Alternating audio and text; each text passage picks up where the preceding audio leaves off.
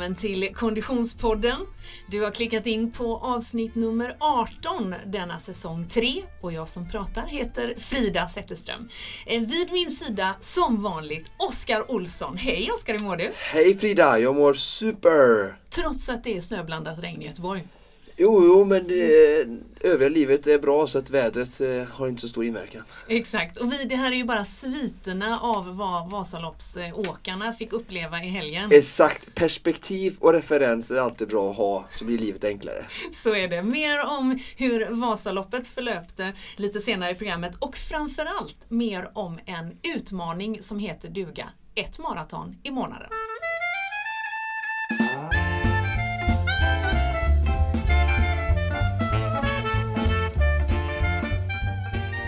Vi är så glada att ha våran poddpartner Storytel med ombord den här säsongen. Eh, har du lyssnat på några goa böcker det sista, Oskar? Ja, den senaste veckan har det varit dåligt. Alltså, jag har jobbat, jag har varit uppe i Vasaloppet som sagt. Så jag har inte hunnit lyssna så mycket faktiskt. Du ska få ett tips av mig. Ah, Eh, För Storytel.com är ju våran poddpartner och där finns det ju en mängd eh, e-böcker och eh, ljudböcker. Och en bok som jag tror kommer passa dig och Filip så småningom. oh, Filip är din son. jajamän. Det vet ju du, men berättar jag mest för lyssnarna faktiskt, eh, är en bok som är skriven utav eh, Johan Fallby. Johan Fallby är idrottspsykolog, var involverad i eh, Svenska fotbollsförbundet för FC Köpenhamn, var han idrottspsykolog för också, eller om han fortfarande är. Han har skrivit boken Gör det bättre själv om du kan. Forskning och praktiska råd till föräldrar med idrottande barn. Eh, och det här är intressant tycker jag. Dels om man nu är förälder till idrottande barn men också generellt. Eh, idrottspsykologi och eh, lite grann hur man gör upp med gamla sanningar kring vad man har för föräldraroll i relation till sina idrottande barn. Det är jag nyfiken att lyssna på. Jag har ju en eh, 11-åring som spelar hockey eh, och eh, hockeyföräldrar. Har du träffat dem? Jag vet inte just hockey men eh, innebandy och fotboll. Så Ja. jag tänker att det är lite samma skrot och korn. Det är ju liksom ett släkte som jag nu får liksom sälla mig till. Överengagerat päron kallar jag det för. Ja, precis. Och det där är, finns ju plus och minus med det där. Ja. Alltså. Eh, eh, jag är väldigt nyfiken på den här boken och jag ska lyssna på den på Storytel. Veckans boktips är alltså Gör det bättre själv om du kan utav Johan Fallby. Lyssna Älskar på titeln. Storytel.com. Och vi är ju såklart eh, minst lika glada att ha våran andra poddpartner med ombord den här säsongen, nämligen Asics. Eh, Oskar, du har ju varit ute och sprungit. Ja, eh, jag springer en hel del. Eh, och eh, har ju fått förmånen att testa några av deras skor. Ja, vad har du Ehm, testat den här veckan? Jo, den här veckan har jag testat Tartar Seal 6. Eh, som är en eh, av deras nya intervallskor får man kalla den. Mhm, Eftersom den är extremt eh, lätt. Jag sitter med den i handen och tycker det är mycket lättare att, att prata om den jag får känna och klämma också. Ja, för lyssnarna kan jag Eh. beskriva att den är, är eh, eh, aquamarin blågrön. Eh, ganska, ganska lite sula får man väl säga va? Eller? Mm. Vit- Känn, eh, hur känns Jag den på den. tung? Och jösses, den Och väger inte många, Nej. många Den ägg. väger så mycket som 169 gram i en eh, US 43. Mm, Okej. Mm. I en US 43, alltså storlek 43. 43, ja precis. 43. Ja. US eh, 9,5. Ja, just det, precis. Mm. En amerikansk 43 hade varit väldigt stor faktiskt. Väldigt, väldigt stor. Hur var den här dojan att springa i? Jo, eh, nej men den var, den var skön, eh, det får jag säga. Eh, lätt och fin runt foten. Eh, de har ju samma sak här, sitt eh, populära flight foam då. Mm, Som gör att eh, man får, dämpning är väldigt bra men kostar väldigt lite i vikt. Så att bra dämpning för intervallsko, eh, mått mätt. Eh, men fortfarande liksom nere med vikten. Man vill ju ha så lätt sko som möjligt liksom, när man ska Ja. köra fart och sådär. Eh, jag kan tänka mig vissa människor som är vana löpare kan skulle nog passa att ha den här till Göteborgsvarvet. Okej. Är man lite mindre van löpare så skulle jag säga eh, kanske 10 km eller 5 km lopp. Liksom. Mm. För det är ju så att när man går ner i vikt så tappar man ändå i dämpning till viss del och eh, då, är det ju, då krävs det att man är lite mer van löpare. Mm. Eh, övrigt så skulle jag säga att eh, ganska spännande meshen som är emellan här är väldigt liksom, andas och, och lätt och bra, det vill man ju också ha. Eh, Själva överdelen på skorna. Ja precis, Mm. så den andas bra och släpper igenom så man blir inte så varm i den liksom. Det vill man inte heller ha i en intervallsko när man verkligen liksom, springer fort liksom. Eh, men sen ändå de här eh, panelerna här på sidan här gör ändå liksom, jag tycker det är ändå rätt bra styrsel i foten. Alltså att den sitter ändå liksom, ja man får bra stöd helt enkelt. Så den glider inte runt liksom fastän att meshen är eh, så tunn. Hur var den greppmässigt under till? Jo men de har ju ett lite bra, de har ju spännande här på uh, sulan här så man ska få lite bättre grepp på asfalten. Så att, uh, det var också, i kicken som man, som man säger så, så tycker jag jättebra fäste med marken och under. Så, ja, men, jättebra, spännande. Jag har, jag har inte sprungit faktiskt i, Eh, tidigare i några liksom, klassiska intervallskor eh, från eh, Asics. Eh, utan det är första gången jag har möjlighet att, att få prova detta. Så att, eh, jag, jag, är jättenöjd och kommer ha den här som intervallsko. Och, men som sagt det är viktigt att man har Alltså jag verk, verkligen rekommendera att man har liksom lite olika skor. Mm.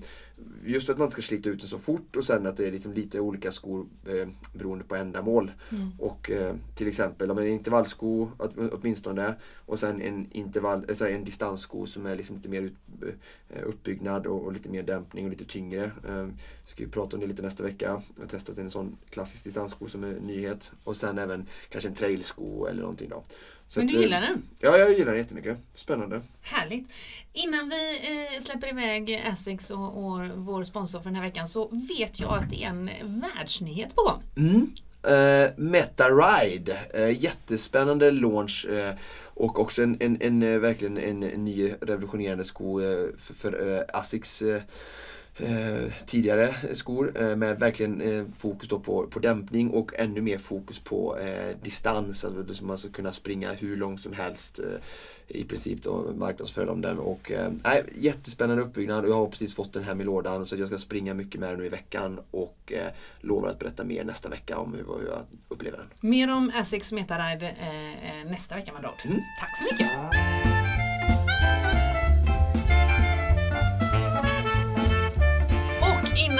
Säger hej och välkommen till dagens gäst och innan vi ger oss i kast med eh, eh, en summering av Vasaloppet så har vi ju den eh, beryktade programpunkten Producent Niklas träningsvecka. Hej Niklas! Hej! Hur är läget? Tack! Hur har... Jag säger inte bra, för, det, för det, då ljuger oh, jag. Okej, okay, okay. Okay. Programpunkten Procent Niklas träningsvecka bygger ju på eh, en utmaning att eh, få, få igång dig helt enkelt. Eh, eh det långsiktiga målet är att eh, du ska få känna glädje att träna varje dag. Eh, då satte coach Oskar Olsson upp ett kortsiktigt mål som bestod i att få tre träningspass i veckan. I januari så bestämde vi, du, dig för att det hade du faktiskt lyckats med och höjde ribban till fyra träningspass i veckan. Hur har veckan varit? ja, men eh, jag har då kört fyra dagar i veckan. Eh, jag skulle inte säga att det var januari, men i Nej, februari. februari. Ja, det är precis. Jag, fyra, dag, fyra, eller två veckor har vi kört fyra dagar i veckan. Yeah. Och jag var extremt pepp och, och började känna det här suget att träna. Och tog kanske i lite mycket. Sen så kom det en klubba och, och, och tryckte ner mig i sängen. Så jag har varit oh. jäkligt sjuk alltså. Oh, just ja, det har du. Ja, jag var riktigt dålig. Jag brukar inte erkänna det för folk. Men jag blev till och med hemskickad från jobbet. De vill inte ha, liksom, jag fick Oj. inte vara kvar på jobbet. Jag var för dålig. Så då kom jag av mig lite. Just så då blev det bara två pass förra veckan.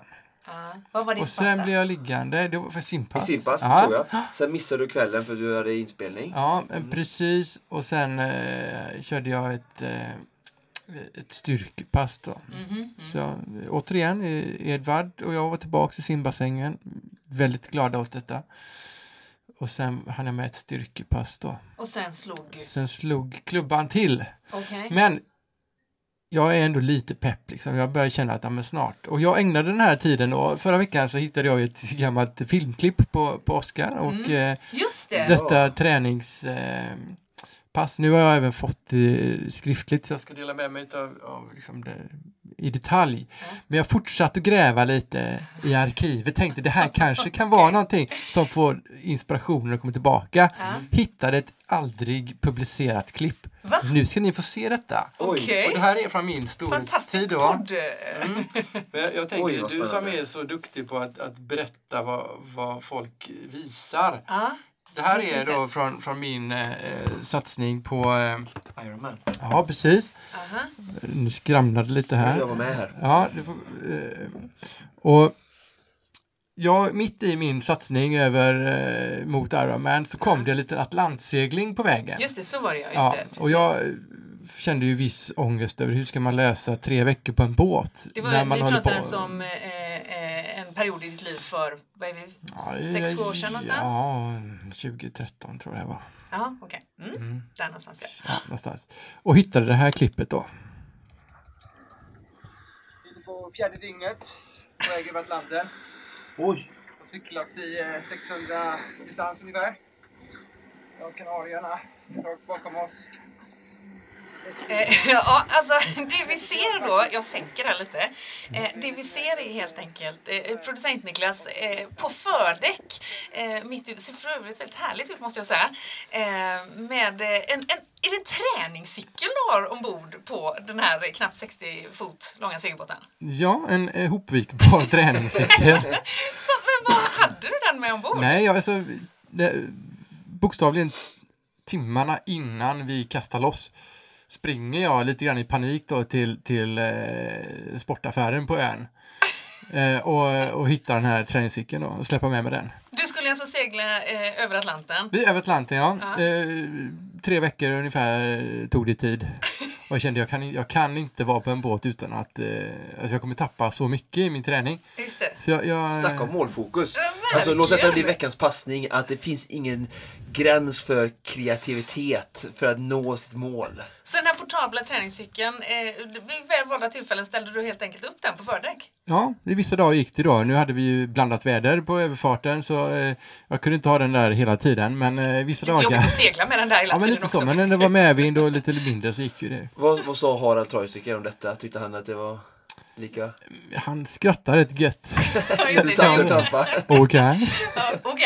Okej, väldigt eh, inspirerande att se. Och härligt för dig att det blev lite en positive note där då. För träningsveckan var ju ändå misslyckad. Ja, Man får plocka fram sånt ibland när man har det tufft. Helt klart. Eh, vi säger ta nya tag nästa vecka. Tack. Lycka till! Innan vi säger hej och välkommen till dagens gäst så måste vi ju, Oskar, göra en liten recap på loppet i helgen. Vasaloppet som många av våra Konditionspodden-lyssnare säkert eh, deltog i eller åtminstone följde. Hur var det för dig? Jo, men det var, det var härligt. Alltså, Vasaloppet är ju svensk tradition. Det, det är snö, det är kyla, det är gemenskap, det är blåbärssoppa, det är nervositet, det är skratt, det är valla, Det är brutna stavar, det är istappar i skägget, det är, det är socker i spåren. Och, ja, men det är Vasasvan och det är, ja, men det är så mycket eh, och det är härligt ändå att få komma upp. Men i år var det speciella förutsättningar. Ja, både ja och nej får jag säga. För att jag hade förmånen att vara uppe på Öppet spår Ja. som går helgen innan det stora Vasaloppet, eh, det som räknas enligt många. Men det går faktiskt två öppna spår veckan innan. Eh, och då var det faktiskt eh, väldigt eh, fina förhållanden får säga. Solen sken och det var eh, ren propagandaskidåkning. Och eh, även på stafettvasan som går på fredagen innan söndagen eh, själva Vasaloppet igår, så var det också propagandaväder, om än inte så mycket spår, så väldigt fint väder. Men sen då som du säger på söndagen, då var det ju så som det kan vara i Sverige ibland. Det regnar och blåser och snöar från höger och vänster och så. Och du var ju där uppe och, och coachade ett Mm. antal av dina eh, kunder. Precis. Eh, första helgen var jag uppe eh, och hjälpte till lite på Öppet spår som sagt och sen var jag där eh, hemma och jobbade i veckan och sen var jag uppe igen och eh, både hjälpte till och även deltog lite på fredagen där. Men eh, Öppet spår, om vi börjar där som sagt så, så och, eh, åkte jag med en eh, av mina Vasaloppsgrupper upp som har eh, tampat och kämpat precis som producent Niklas här i stakmaskinerna och, och även varit i Borås och knäckt en hel del många mil och eh, förberett sig väl. Eh, och ehm, det var jätteroligt att få vara med uppe och vara med i uppladdningen, vid matlagning dagen innan och vi jag försökte serva dem med, med frukost och lunch och, och sådana här saker ehm, och hjälpa dem med utrustningen och sådär. Eh, morgonen gick bra, vi var där i tid, mycket tidigare än de egentligen hade velat tror jag, men det gäller att vara där i tid så vi var faktiskt, de flesta av mina adepter var först ut med skidorna i follan och det är ju skönt om man kan komma långt fram. ehm, så så att eh, de, de, var, de var nöjda efteråt när de förstod att eh, det, det är bra att vara där i tid. Ehm, och sen förlöpte dagen på väldigt bra. Eh, jag var i Smågan, i Risberg, i Oxberg och i mål. Eh, och följde dem nitiskt och hade med mig eh, påsar och ryggsäckar med energi som de, de fyllde på längs med vägen. Och eh, alla slog personligt rekord och alla var glada och det var sagt det var snabba förhållanden men imponerande insatser av alla och, och kul att, så kul för mig som coach att liksom, se alltså hela resan, att mm. de kommer in genom dörren på O23 första gången, lite nervösa, nerv, nerv, nervösa Eh, men taggade och man ser målmedvetenheten i ögonen på dem och de är frågvisa och motiverade. Så när man med liksom under ut, eh, utmaningar, med och motgång under träningen och sen att få vara med där liksom på plats när de gör det och se dem liksom skida i Mora i det här anrika spåret mot eh, upploppet och man ser deras glädje och de inser att de kommer nå sin måltid och prata med dem efteråt och höra och så. Det, det är en ynnest. Så det var jätteroligt att få vara med där. Men det var öppet spår mm, mm. Sen var du tillbaka igen? Ja, eh, precis. Sen eh, eh, hade jag förmånen att få åka med en av eh, skidklubbarna som jag coachar, SK Glädjen. En yeah. väldigt, eh, eh, vad ska man säga, eh, glädjefylld, varm, speciell och traditionsenlig skidklubb. Ehm, som, som har sina tydliga rutiner och regler men, men på ett häftigt och roligt sätt som, som medlemmarna älskar. Eh, och där som sagt var jag med upp och hjälpte dem och hade äran att få köra då första sträckan. I stafetten? I stafetten ja. ja. Stafettvasan för de som inte vet vad det är, det är alltså fem stycken personer som bildar ett lag och åker från Mora till Sälen. Ehm, och eh, man, de är lite olika långa. Den första sträckan jag åkte var 24 kilometer. Den går till Mångsboden, den andra kontrollen. Eh, och, och liksom, eh, den här klubben då har liksom ett väldigt nitiskt och speciellt upplägg som gör det hela väldigt roligt. Okay. Eh, just att liksom, hela klubben och de som inte är med, som inte har kvalat in i laget kanske eller som inte vill åka, de är ändå med och hejar och peppar och, och, är med på morgonen och, och liksom alla liksom, ja det är verkligen en lagsammanhållning eh, som, som verkligen är häftig. Och vi var där på morgonen och, och, alla står i starten och hejar och jag hade förmånen och eh, under uppvärmningen där så bara i mörkret, liksom solen har inte gått upp, det är kolmörkt, jag springer i en uppförsbacke eh, vid Bergaby där och så träffar jag Lars Nelson och, och jag blir helt liksom starstruck. Eh, det jag nu var med och tog OS-guld 2014 i herrstafettlaget i Sochi eh, och är en fantastiskt eh, överhuvudtaget ödmjuk och imponerande atlet då. Så att, fick en liten selfie och pratstund med honom och sen senare så, så, så också då så hade jag hamnat längst fram i det här startfältet och då stod jag jämte honom på till höger okay. och sen till vänster så stod Jörgen Aukland. Oj, oj, och för en sån här konditionsfantast som mig så var det lite så här bara I'm in heaven. jag, jag, när startskottet gick och den här grejen går upp så är jag ju som extremt ödmjuk. Jag har sagt till Lars innan nu Lars jag kommer inte att försöka liksom stressa iväg här utan ja eliten först och ja. motionärerna sist. Eh, så att, men det var bara kul att få stå där. Det var, var verkligen ett moment för mig som, som konditionsnörd och ödmjukande och eh, ja, häftigt. Hur gick din eh, sträcka? Jo, eh, den bör, jag hade varit lite krasslig under veckan. Eh, lite så här gula snorkråkor och sånt där. Så att jag var så här, kanske inte skulle startat. Men eh, jag var ju liksom signed to, to do this first stretch. Så att jag kände att jag får ta det lite lugnt. Men eh, första backen, och ja, de hade bestämt att du är så stark Oskar så du ska staka upp. Så de hade preppat, det är också väldigt liksom, servat allting. Ja, ja. De, som har ett team som bara gör allting så jag fick bara skidorna utlagda åt mig, vallade och färdiga och jag behövde inte göra någonting. Det är lite gött för dig att få, få det ja, som lite du ser, annars servar ge. Ja, ja, det var liksom first class service för mig så det var jättehäftigt. Och som sagt, jag skulle staka upp för första backen där och, och då står jag som i, jag fick börja lugnt liksom för att staka upp första backen utan fäste är verkligen liksom tungt så. Yeah. Jag hade väldigt respekt för det men, men det gick bra och näst, nästan i toppen backen där så står eh, typ halva klubben och skriker liksom go, go, och jag, då får jag lite ny energi och liksom köttar på och kommer upp för backen åtminstone på jag tror 16 minuter ungefär. Det är lite, nu åker jag väl på 11-12 någonting så jag tappar ganska mycket där. Men sen så kom vi ut på myrarna och mm. då fick Oskar lite... Där hör du hemma. Där hör jag hemma. Eh, i, i, I kraften från mina stakmaskiner. Så, så där gick det faktiskt väldigt bra. Eh, hade bra fart på flacken och mellan eh, Risberg, så Mångs, Smågan och Mångsboden så hade jag väldigt bra och kunde ta placering. Jag tror jag gick från 77 till 41. Och, det måste ju vara eh, väldigt mentalt eh, stärkande. Och köra om ja. Köra ja. Om. ja. Men det var roligt. Så du kände, när jag var mitt i backen jag tänkte så här Nej, jag ska aldrig åka Vasaloppet. och sen så när jag liksom var uppe på, på Myrorna så bara började jag säga, ja men nästa år, då, då ska jag åka Ja, på det. riktigt. Just det.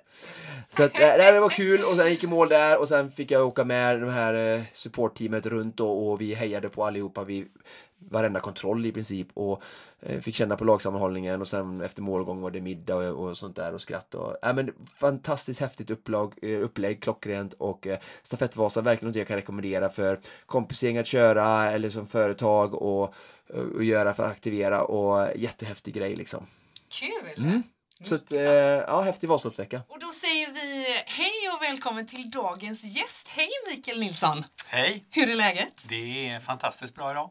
Det är det. Du, eh, eh, du hörde eh, Oskars eh, långa utläggning om Vasaloppet. Vad var din upplevelse? Du åkte ju också. Min upplevelse var socker. Eh, men eh, mycket glädje, mycket skratt och eh, men jobbigt. Vad, vadå socker? Jag fattar inte. Eh, det var som att åka i socker. Eh, man har ju hört de här skateåkarna i landslaget beskriva när de ska skata att det var som att skata i socker och det gjorde ju vi igår med det enda undantaget att vi får inte skata. Nej. Så att det var ju ännu värre för oss som ska försöka åka klassiskt i eh, socker. Okej. Om, om, om, för den som inte har upplevt det själv, hur, hur kan du beskriva den känslan? Ja, att man har ett par skidor på fötterna, ett par längdåkningsskidor på fötterna och ställer sig i en sockerhög och ser skidorna försvinna ner i sockret så att du kanske ser pjäxorna. Och så tänka sig att man ska vara ute i 10-11 timmar och ta sig fram i det. Det är väl en eh, bild som är så god som någon. Men du lägger ändå till att det var mycket skratt. Ja, dåligt. absolut, det var det. Eh, Jag var inte med för att klara någon tid, tack och lov. Då hade man blivit lite lätt eh, ledsen och irriterad tror jag. Mm, Eh, Utan jag skulle bara genomföra det och hade med några andra vänner, vänner som också hade det eh, mindsetet. Så att det, vi hade inte bråttom utan eh, vi skulle bara åka igenom. Så att, Mm. eh, därför var det kul. Du berättade tidigare att du eh, blev omåkt utav en kameraman. Ja, just det.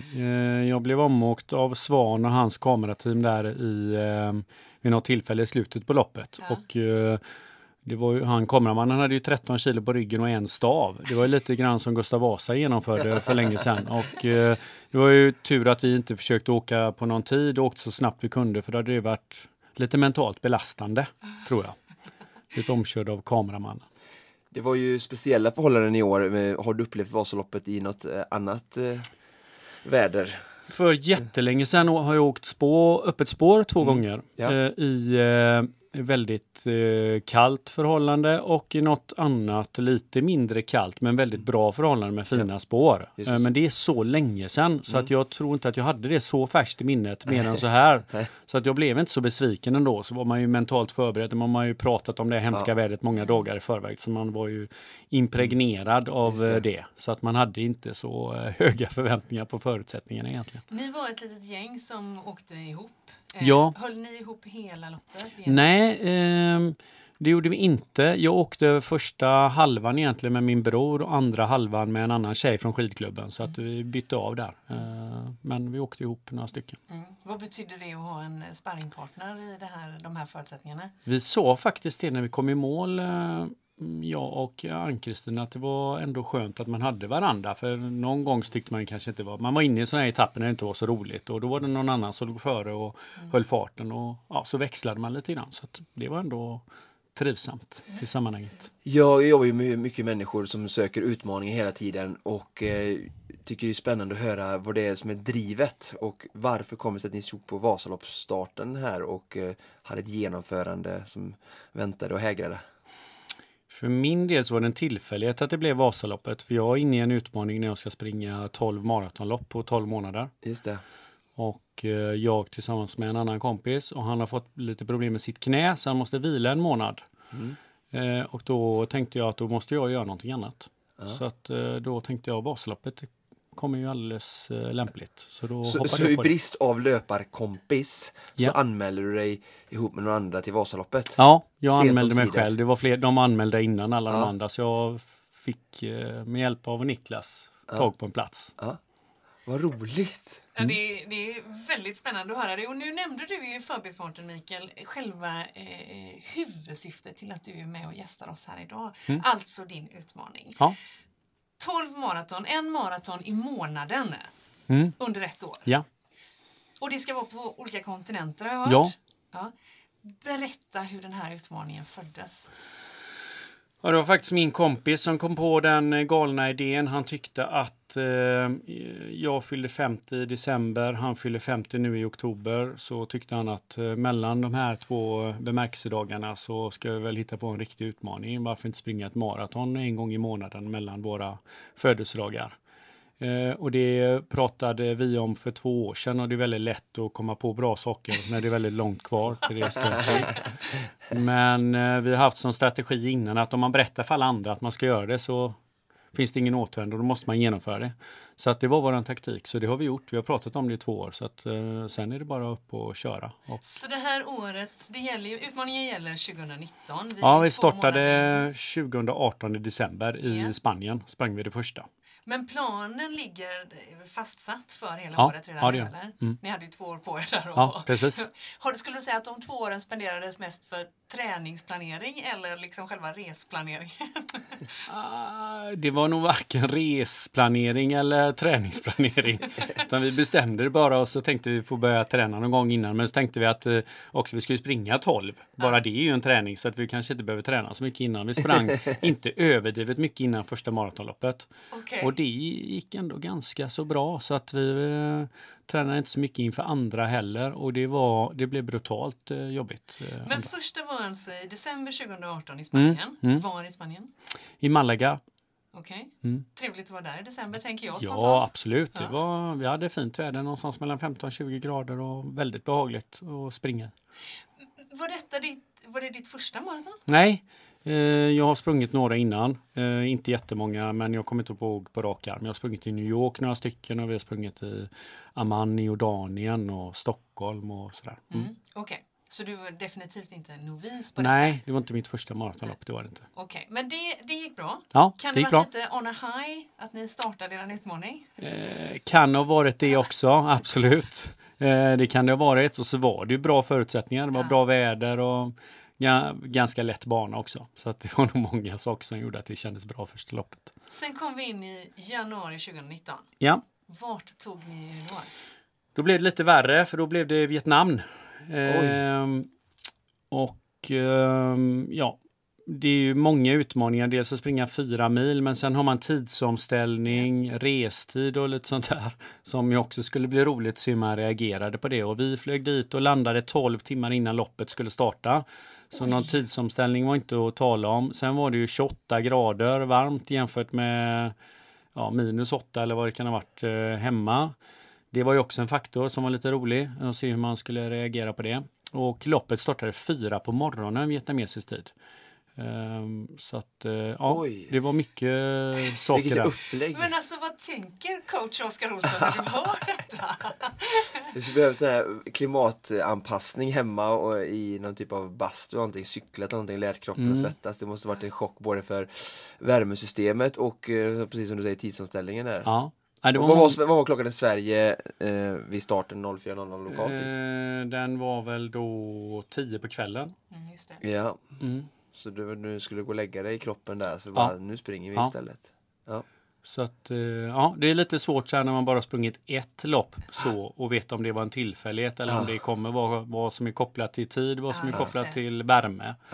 Eh, när det blir så stor skillnad. Men eh, ja, någonting var det i alla fall. För det var, det var någonting helt annat än loppet en månad innan. Det går inte att jämföra. Nej. Och vad hände? Det tog en timme längre och ni höll på Ja, det dö. tog nog, räckte det med en timme längre. En och en halv timme längre kanske. Och, Oj!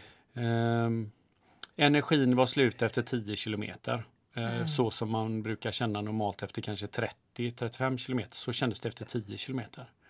Eh, och det var, ja, det hade ni någon strategi att ni skulle hålla ihop? Eller liksom, ja, ja, det gjorde vi. Ni, ni gör det eh, tillsammans? Och det, var också, det handlar mer om att genomföra. Självklart. För det är mycket som kan hända på 12 månader. Man kan bli skadad eller sjuk ja. eller ja, bara ha en dålig dag. Så att det ska genomföras. Vi har inga tider så som vi ska springa Nej. på. Självklart springer man så fort man kan. Ja, men, eh, vi har ingen sån press Nej. utan mer att göra det ihop och ja, en, kul, en kul grej helt enkelt. Det, det, här med att, att resa så nära inpå, jag, jag misstänker att det har att göra med att du är yrkesverksam här hemma i Sverige mm. och eh, ska ja. göra det här 12 gånger Det är inte året. helt betydelselöst, nej. nej. Eh, men upplägget kommer att se ut ungefär så eller kommer ni lägga på någon, någon extra resdag? Ja, framöver? det kommer vi absolut göra för vi ska ju till till några platser. Vi ska till Kapstaden och vi ska till Hawaii i planen och ja, vi ska till andra mm, trevliga ställen. Nu nästa månad ska vi till Los Angeles. Så att, Och februari då?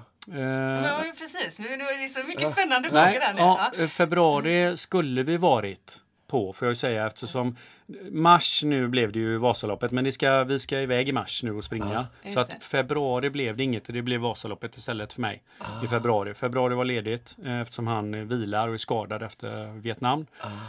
Eh, Men då skulle vi i februari skulle vi varit på Seychellerna och sprungit.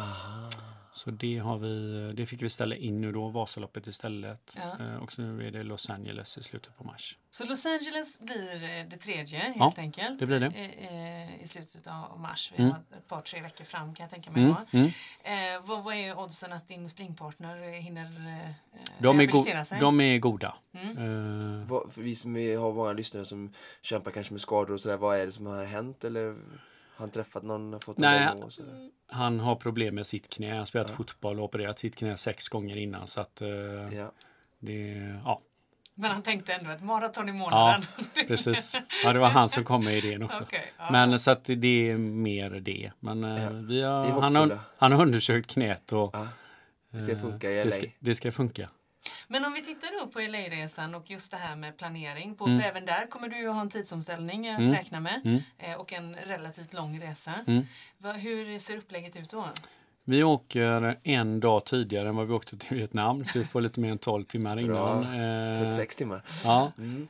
eh, och det är lite behagligare klimat. Det är ju mellan 15 och 20 grader där också, ungefär som i Spanien. Eh, så det kommer ju också påverka positivt. Eh, och sen eh, kanske vi är där en dag längre än vad vi var. Vi vaknade ju i princip och åkte hem sist. Jag kan berätta en jättekort anekdot. Jag väggade eh, på min första maraton i mitt liv eh, på OC Marathon i Orange County strax utanför LA när jag bodde där. Eh, och det var så smällhett. Ja. Så att, eh, Hur Det långt låter hade ju du bra. kommit då? det var i januari. Vad sa du? Hur långt hade du kommit in i, i loppet? När. Ja, ah, precis. Det var väl 21 kilometer ungefär, Ja. halvvägs ungefär. Ja. Jag tog öppnade på 37 minuter och var inte Ja. så snabb där, den, på den tiden. Så att, eh, jag, jag tror jag, jag gick ändå mål på 3.20 men det var liksom eh, eh, ja, så det var en eh, så att, eh, ja, gör inte om det misstaget. Öppna kontrollerat. Men Vilken månad var det Ja, du sprang? precis. Det var januari och det brukar inte, jag bodde ju där sagt och det var ju, det brukar inte vara så um, brukar inte vara, det var 7 januari kommer jag ihåg, Eh, jag hade besök eh, av mina föräldrar då också. Eh, Det brukar inte vara, det brukar vara liksom typ som svensk vår här då Ja. liksom. Men just den dagen var det stokvarmt. Jag ser att Mikael gör mentala Mm. noteringar här faktiskt. Smällvarmt önskar jag ju mig inte. Nej, det har du gjort känner Ja, du det har kanske. jag gjort. Det blir nog är 20 färdig med grader och lite Ja, molnigt. det låter trevligt. Men utav, vi kan ju inte gå igenom alla tolv Nej. givetvis, men, men eh, eh, vad har du fler för några som sticker ut då? Du nämnde Kapstaden. Kapstaden och Hawaii får man väl säga ändå Såklart. eh, Honolulu, sticker ut precis. när går den? Eh, oktober. oktober. Eh, ja, någon Häftigt. gång eh, runt den 10 oktober. Mm. Men är alla tolv inritade i kalendern så att säga? Ja, alla är inritade i kalendern. Ja, men sen får vi ju se om man lever och har hälsan. just det. Hur tänker ni? Alltså, det är också en spännande sak vi pratat om mycket med målsättningar Mm. i träningen och allting sånt där. Att, att kunna vara flexibel och tackla alltså, mo- motgångar. Det är sånt, alltså, vägen är ju aldrig Mm. spikrak, Nej. inte i livet Nej. heller. Hur har ni pratat om det lite sådär, liksom att ja, men vi lägger till någon eller vi börjar om från början i januari 2020 eller hur, hur tänker ni liksom tackla om det blir mer motgångar? Nej, vi har inte... Vi fokuserar inte så mycket på motgångarna. eh, utan de får komma i så fall. Ja. Men eh, vi, alltså, vi vet ju att ont, skadad, Ja, sjuk eh, är det ju stor sannolikhet att någon blir. Ja. Och nu har, det, nu har det skett. Det är väl inget hugget i sten, så det här var ju en rolig mental, det är lika mycket mental utmaning som någonting annat och framförallt för att hålla igång. Mm. Så att vi får se, men vi har kanske det kan ju komma andra saker emellan också, jobbet och familj och sådär. Och då har vi sagt kanske att vi flyttar något lopp. Mm. Eh, att vi tar det någonstans i Europa istället. Det blir kortare restid och det blir lite lättare och ja, Mm. vi slipper andra saker också. Så att, eh, absolut, det finns eh, ett maraton i månaden i, Mm. i målet. Sen får vi se var det blir någonstans. Men vi har ju en Jag ser önskelista. boken framför mig. Mm. Ja. Bara så att du är med på det där. Ja. Vi, vi pratar mycket om loppen nu, men det var intressant du sa där att eh, de är också anledningen till att ni har detta är för att ni ska hålla igång. Ja. Så att du känner att du får viss motivation i Absolut. träningsvardagen. Ja. Hur, hur, hur ser träningsveckan ut? Har du någon plan eller har ni? Eh, nu ser träningsveckorna lite speciella ut för mig för jag är inne i ett eh, träningsprogram just nu. Jag är inne på sjunde veckan utav 16. Ja. Eh, så jag har väldigt uppstyrt. Jag har varenda dag uppstyrd Ja, vad eh, med vad jag äter och eh, vad jag tränar. Eh, så att det är lite Ja, ja, men speciellt. Du har verkligen ett upplägg då som, eh, som Ja. ska lira lite med det här Eh, målet. Ja. Som är med, på de här 16 veckorna. Sen så fortsätter jag väl med det. Inte jättemycket löpning. Nu är det inte det powerwalks och styrketräning mest. Men eh, tanken är väl att springa det här maratonloppen och så hålla igång med något löppass bara. Så att man eh, håller igång musklerna, egentligen löpmusklerna. Gör du alla passen själv eller har du någon grupp du är med i? Eller? Äh, jag har en virtuell grupp. Eller har Mm. några träffar jag på några pass. Men det mesta är själv faktiskt. Mm. Eh, Det är det. Kul, bra med styrka. Okej, så du har 16 veckors program som du följer. Vad, hur ser det ut? Eh, ja, det ser ut så. Jag är inne på sjunde veckan nu och eh, det är 16 veckor av fysisk träning, konditionsträning och kost eh, i en, eh, ja, en väldigt strikt form. Behöver inte fundera överhuvudtaget på varken eh, vad jag ska träna, när jag ska träna, vad jag ska äta eller när jag ska äta. Allting är nedskrivet in i minsta detalj på gramnivå när det är eh, mat. Oj, det här är inget du har kommit på själv. Nej, det här är 16 weeks of hell. Såklart att det är. eh, eh, som jag gjorde redan förra året, 16 veckor och eh, som var en fantastisk upplevelse som jag verkligen kan rekommendera. Eh, blir supergenomtränad. Okej, men 16 weeks of hell, det är alltså ett koncept Ja. som är skapat utav... Tony Andersson har skapat detta. Eh, Eskilstuna eh, är hans hemtrakt eh, som han har, eh, jag vet, jag tror det är två år sedan han eh, startade konceptet och eh, jag hakade på förra året och jag hakade faktiskt på efter att eh, jag läste om Stefan Schwarz som väldigt, verkligen fick en skjuts av när han körde det här ja, några månader innan då eh, som jag anmälde mig. Jag tänkte det här är en perfekt mental utmaning. Och det här är digitalt eh, koncept. Både och. Eh, Det beror på var man bor och var man befinner sig. De har ju coacher som tränar med dig eller så kan du göra det på distans och jag gör det på distans. Ja. Men man signar upp sig. Kan man, kan man starta sina 16 veckor när man vill? Nej, eller? det kan man inte utan du får anmäla dig och så startar de ett visst antal grupper och det är begränsat bara för att de ska hinna ge dig den hundraprocentiga supporten som du vill ha eller som du behöver. Så att vi, det är daglig kontakt med din coach. Okej. Och vad, hur, hur kan det se ut då? Du hade, vad sa du, du var sju veckor in i nu? Ja, eh, jag startar varje morgon med eh, 50 minuters eh, powerwalk så snabbt som man kan gå överhuvudtaget. Ska du gå i 50 minuter och eh, efter det så har jag ett matprogram som ser lite olika ut eh, men eh, som är uppstyrt i detalj med både vitaminer och vad det vi ska äta. Vi utesluter ingenting men vi äter det i eh, exakta mängder. Blir mycket tid till matlagning? Eller? Det är jättemycket tid till matlagning Ja. för eh, det är ju inte aktuellt att gå ut och käka på en lunchrestaurang under de här Nej. 16 veckorna utan det är ju matlåda, matlåda, matlåda. Reser man i jobbet så får man planera. Det är mycket proteinpulver och vitaminer och annat så att det är lite som ska, man ska bära med sig när man är ute men det är bara planera. Det, så det är ju, mycket av det här är ju planering. Ja. Det är en Men- planeringsövning. Men du lever med familj. Ja. Eh, är, de inkluderade i de här 16 veckorna? Ja, min son Filip är inte inkluderad i de här 16 veckorna. Eller ja, han är ju inkluderad för pappa håller på men eh, min fru är med lite grann och är med på några powerwalks och hänger med på kosten. Eh, För när du lagar mat då till det som är, är i gram eh, Ja. ordnat för dig så Ja. gör du även till resten av familjen? Eller? Ja, inte till Filip då men till min fru. Hon hakar på lite grann. Okej. Absolut. Ni går inte ut och käkar fredagmiddag på restaurang den här Nej, perioden? inte under de här 16 veckorna så gör man inte det. Då är det inga kalas, bröllop, eh, fester eller någonting utan då är det 100% i det. Jätteroligt att höra. Vad, förutom den här powerwalksen, då, du träffar är det gymmet den andra träningen? Ja. Eller? Eh, precis, gymmet. Eh, och jag vet inte hur mycket jag får avslöja här för Nej. Tony om eh, innehållet Nej, i det där. men men, hur eh, ofta menar jag? Eh, ja, det börjar med eh, fyra dagar i veckan. Ja. Skulle jag kunna tänka mig att det börjar på. Och vi är uppe på sex dagar i veckan när vi slutar. Så Eh, nu, just nu befinner du dig alltså på 13 träningspass, om man ska kalla powerwalken för träningspass, i veckan. Förra året så räknade jag ut att jag tränade 19 timmar i veckan. På de här 16 veckorna? På de här 16 veckorna. 19 timmar i veckan? 19 timmar i veckan i 16 veckor. Oj, det är ju nu som jag typ. Mm. Det är inte konstigt att man lyckas. Då, då behöver man planera. Ja. Och, och, verkligen, och, och prioritera jag Ja, säga. För jag tror det är absolut. väldigt få människor som, som kan prioritera, alltså som Ja. väljer att prioritera så Ja. mycket så det är väldigt eh, nobelt eh, och imponerande. Nej, det var ju... Någon gång var man hemma 11 på kvällen och någon annan Mm. gång gick man upp fyra på morgonen för att hinna med det man skulle. Så att det är mycket, men det är... Och, och varför?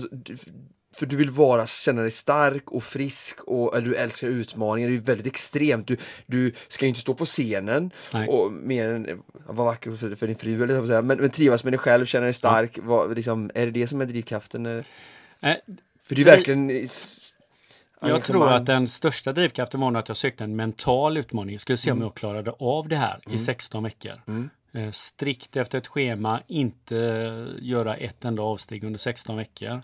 Eh, hur bra tränad kan jag bli? Mm. Jag ändå som hållit på med idrott i olika former på olika nivåer under egentligen hela mitt, eh, i alla fall yngre liv. Mm. Eh, om man hade bara gett sig den på det. Mm. Och liksom om man hade gjort en OS-satsning, vilken kapacitet finns Just i det, kroppen? just det. Eh, lite så. Ja. Eh, Se, ja vad är det nu? Nu är man ju lite äldre men Jo, jo, jo. man kan få vrida tillbaka klockan och testa. Så det var lite grann se vilken kapacitet finns. Om man Älskar verkligen det. Gör det. Älskar det. Väldigt inspirerande. Det här satt jag och tänkte att ett maraton i månaden var utmaning nog, men det var det ju inte.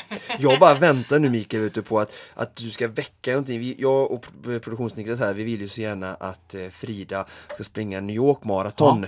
Eh, så att vi får åka dit hela produktionen. Men vi måste ju ha en, Självklart. en bra incitament. Självklart. Och jag hoppas att det här liksom ska inspirera henne till att den här utmaningen, Ja, just det. Nu kom jag från New York igår. Ja. fast man kan åka dit flera gånger om året har du sagt till mig Frida. Man skulle ju kunna tänka att det var en inspiration nog. Men som tur var har vi ju din utmaning att prata om. Ja. Du har bomstopp där Niklas. Hon är alldeles för smooth ska jag länge. Ja, härligt att höra. Hur ser, Mikael, hur ser din eh, träningsbakgrund ut? Vad, vad, eh, vad kommer du ifrån för Motionär. idrotts- Nej, men jag har hållit på som eh, de, många andra ungdomar på vanlig motionsnivå. Spelade fotboll eh, när jag var liten och ja, Ja. eh, fram till jag var 30 kanske och efter det så hände det inte mycket mer än att man var ute och joggade lite grann och så gick det några år och så började man springa mer och då kom ju lite grann de här utmaningarna med några kompisar. Men har man varit igång så många dagar i veckan tidigare i livet så kommer man ju till en punkt man känner att nu måste det liksom hända någonting. Och då kommer de här målen, måste man ju sätta upp något. Från att du varit på fotbollsträning fyra, fem dagar i veckan och träffat kompisar och haft det där omklädningsrumssnacket så vill man komma igång igen och känna den här gemenskapen och peppa varandra och då hittar man på något. Och vi hittade på maratonlopp och lite annat. Men var någonstans i livet var du då? För vi upplever ju att många av våra Konditionspodden-lyssnare kanske kan hamna i en... Nu sa du att du precis eh, skulle fylla 50, men någonstans kanske man har lite mindre barn. Om man säger någonstans mellan, mellan 30 och, och, och 50 så kan det vara lite en utmaning för vissa att hålla igång eh, träningen på den nivån. Hur har det sett ut för dig där? Det är of- oftast också då man är väldigt yrkesverksam och det tar mycket tid Ja. med annat. Nej, vi började nog kanske, jag började nog runt 30-35 kan jag tänka mig med, ja, med nystart eller man säger, med en annan typ av träning då från den här lagidrotten till mer individuellt. Eh, det gjorde jag. Sen har det kanske eskalerat eh, efter 40 kanske. Just det. det är svårt att Eh, springa mer än ett maraton i månaden känner Jaha, jag. Så ja det är det. Eh, men det har det väl gjort nu och det är mer också söka utmaningen. Eh, mycket den mentala utmaningen eh, tycker jag är rolig. Eh, det fysiska tycker man ändå, det är bara att träna. Men mental också, eh, det blir någonting annat. Eh, det, är inte, det kan man träna det också, men det är en annan, en annan grej. Att där- orka stå upp och orka genomföra det fast när det regnar eller det är kallt eller det är tråkigt. Så att, eh, Var löpningen ett självklart val från början för dig som konditionsidrott? Ja, det var det nog. Jag har på med en massa andra saker också, men eh, just det, den, ja, mer som en utmaning så, så absolut. Ja. Du har ju i din eh, yrkesroll använt dig av just det här med konditionsträning och konditionsmotivation eh, både bland anställda och kunder. Mm. Eh, jag vet att ni för ett antal år sedan gjorde en Göteborgsvarvet-utmaning. Mm. Kan vill du berätta? Eh, det var väl 2010 som vi började med eh, både kunder och medarbetare att eh, ja, vi lärde oss egentligen om hur hjärnan fungerar och belöningssystemet och allt det där och så blandade vi in eh, eh, den fysiska träningen eftersom vi vet ju med all forskning som är att den fysiska eh, statusen påverkar även den mentala statusen som givetvis påverkar hur glada och trevliga vi är hemma eller hur duktiga vi är på jobbet. Eh, så det var ett startskott för oss att börja jobba tillsammans med medarbetare och kunder på det här, både med fysiskt och det mentala. Mm. Och eh, sätta upp lite mål som fick vara individuella. Alla tycker inte det är roligt att springa fort på Göteborgsvarvet utan det kan vara ute och gå och ta en promenad. Mm. Och bara ta ett steg och utveckla sig lite grann, ta ett steg till och göra någonting lite mer än vad man gjorde innan. Gjorde man ingenting så gör man någonting och gjorde man någonting så gjorde man någonting lite mer. Mm. Hur landade det bland dina kollegor? Nej men det var jätte, det landade jättebra. Uh, och det var ju mycket i det här uh, och liksom samtala mm. med varandra, förtroendefullt samarbete och ja, det var mycket i, i detta, inte bara det fysiska utan mycket annat vi gjorde så att det landade hur bra som helst. Och vi har ju också gjort hälsoundersökningar i 15 år uh, i bolaget kontinuerligt på alla medarbetare för att man också ska få rätt information själv individuellt mm. om hur man mår och, och står. Eh, och eh, vi har hela tiden sett att vi, vi förbättrar den genomsnittliga hälsan på bolaget egentligen från det vi startade eh, tills idag på 15 år. En stigande kurva hela tiden. Det måste vara musik i dina Ja, verkligen fantastiskt att höra. Det var inspirerande och kul att kunna verkligen bry sig om sina anställda och jobba på så, liksom, så brett. Och kan, det är en häftig grej att kunna samlas omkring eh, just träning och fysisk aktivitet och att man kan, det är så många andra vinster som du säger också som man får. Ja. Ehm, jag har jobbat med ett företag eh, som heter Every som mm. är ganska mm. stora, om du känner till dem. Absolut. De har också en sån eh, trevlig tillställning varje gång med Göteborgsvarvet där de de bjuder och bjuder in sina kunder. Så om de vill så får de startplats på Göteborgsvarvet mm. och så har de eh, en träning i varje månad, mm. sex månader in till då, mm. som är så här event då. Mm. Och jag har hållit, varit med och hållit sådana event och ibland mm. har vi haft styrkefokus, ibland har vi haft liksom långdistanspass mm. och då träffar de kunderna och pratar och vi har haft mycket Volvo-folk för de mm. har ju dem som kunder och, och sådär och sen så har de Göteborgsvarvet och får alla de här kunderna sin startplats och är med i, i företaget Guld, mm. den här mm. startgruppen mm. där. Och sen har de stor bankett efteråt. Mm. Liksom. Så det är också väldigt häftiga grejer så att de, och de integrerar då kunder med sina egna konsulter och anställda och, ja, och det är inte, alltså träningen blir bara ett sätt att ha samkväm men det blir ja. massa andra saker runt omkring också som du säger. Absolut. Så att bara, bara, bara plus, plus, ja. plus. Ja, det är jättebra.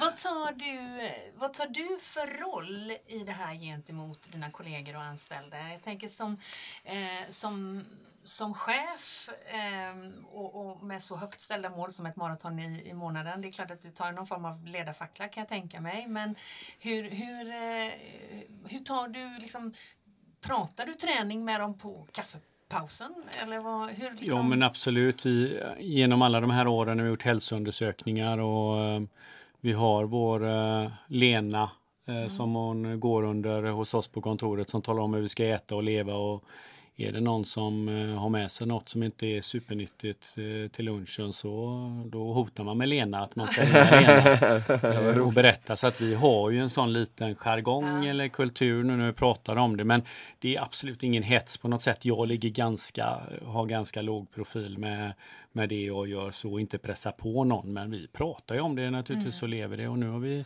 vi är ju många medarbetare som pratar om det och hjälps åt och, och gör det här så att det finns flera. Det är ingen direkt som har någon sån tydlig ledarroll när det gäller det här utan det är egentligen det är flera och, och många som hjälps åt. Det finns ingen risk att det, att det skapar eh, prestationsångest hos medarbetarna att, eh, att prestera på lopp och liknande? Mm, ja, det kan, kan det nog göra om man trycker fram det med lopp för mycket. Mm. Eh, och inte eh, kanske pratar om en promenad på lunchen istället. Men eh, vi pratar inte så mycket om lopp eller pratar nästan ingenting om lopp utan mer komma igång och hålla ordning. Och, mm. eh, nu har vi eh, Emelie på jobbet som uh, har dragit igång att vi ska stå i jägarvila i, uh, en gång i veckan här. Hon tar tiden och så ser du hur alla blir bättre. Och det, det kommer fler och fler med i den här. Från, från början var det inte så många men nu är det fler och fler som är med. Står sån... de i kostymbyxor och klänningar? Jajamän, det är alla, alla plagg. Så, uh, det är, ja, så det är många sådana här småsaker som är mer roligt och avslappnat än att det ska bli någon prestationsångest. Så det är inte så mycket loppsnack, det är det inte. Det är, det är väldigt roligt. inspirerande att höra, verkligen. Det är otroligt eh, motiverande. Mm. Jag, eh, man kan ju önska att det skulle sprida sig som en löpeld. Har ni det så på ditt eh, företag, Frida? I mitt jobbar? bolag har vi det exakt så här faktiskt. Ja. I mitt enmansbolag ja, alltså. Du, eh, Mikael, tillbaka till utmaningen ett maraton i, i månaden. Vad, vad, ser du mest fram emot? För du ligger ju ändå i startgroparna fortfarande, mm. får man säga, mm. med två eller tre mm. månader bakom dig. Jag ser fram emot att få några lopp till i sig och se hur det känns mm. efter några lopp och se med det upplägget man har, hur mycket man har tränat, om man märker någon förändring eller förbättring, att det känns lättare eller det går fortare eller om man inte tränar tillräckligt mycket för att det ska gå fortare eller hur det nu blir. Eller hur man ska hålla helt enkelt, hålla ihop. Så det är mer, mer sådana saker eh, som ska bli spännande och intressant att upptäcka med sig själv. Jag tänker ju på att en spännande utmaning också är ju, nu har jag inte gjort jättemånga men det blir viktigt. Alltså du kör ju ett maraton, det sliter ganska hårt. Jag tror de flesta är asfalt, så mm. jag kan tänka mig. Ja. Så du har ju minst en till två veckor mm. återhämtning mm. och sen ska du få någon typ av träning en vecka och sen är det liksom mm. någon typ av nedtrappning igen mm. inför nästa där. Mm. Det tycker jag är en spännande utmaning som jag ser fram emot att följa via Niklas här eftersom jag vet att ni känner varandra mm. och eh, ja, se hur, hur det mm. funkar liksom. För det är som sagt, hinna träna däremellan. Och, hur, ja. hur ser du på det med upplägget? Där? Nej men eh, tanken som har varit innan är att eh, köra powerwalks direkt, direkt efter liksom loppen och köra mm. det i två veckor och sen eh, köra kanske bara två, tre pass på 7-8 kilometer för att hålla igång i början och så se hur man reagerar på det. Och så blir det ett långpass igen i form av maratonlopp. Eh, och så se hur man reagerar helt enkelt, hur kroppen reagerar. Eh, ja, jag tror det. Vi, vi pratade lite skor här innan, eh, kort innan vi avslutar, så kul att höra. Vad är det för skor du använder?